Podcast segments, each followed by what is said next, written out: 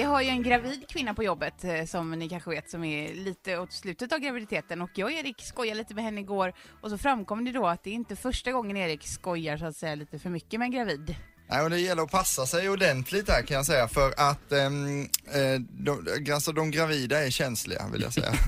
Har du kommit på det nu? Ja, nej men det var eh, rätt många år sedan. Jag har lite förträngt detta men jag kom på det då igår och då var det så här att för några år sedan hemma i Karlskrona så var det två kompisar där då, kille och tjej. Eh, Fredde och Louise hette de och eh, de, har ju, de var ju gravida då, eh, de hade byggt ett nytt hus och jag skulle åka och hälsa på det huset. Tänkte, vad gör man då när man hälsar på någon första gången? Jo, då skojar man lite tänkte jag. Så han Fredde var ute och körde med gräsklipparen och Louise var inne i köket och grejade med någonting. Så jag smög fram till rutan, knackade lite lätt så här och vrålade ett supervrål, typ så här. "Wah!" Och hon blev så rädd. Hon hoppade, tappade det hon hade i händerna och vattnet gick. så de fick ju åka in vet du. Och, och den ångesten man lämnades kvar med då. Men, det, men det gick ju bra sen alltså.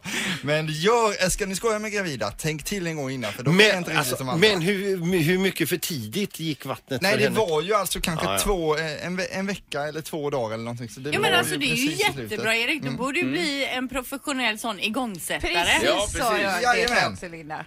Det Så är att, kanon. eh, Men det vet man ju när jag gick över då nästan två veckor med mitt andra barn.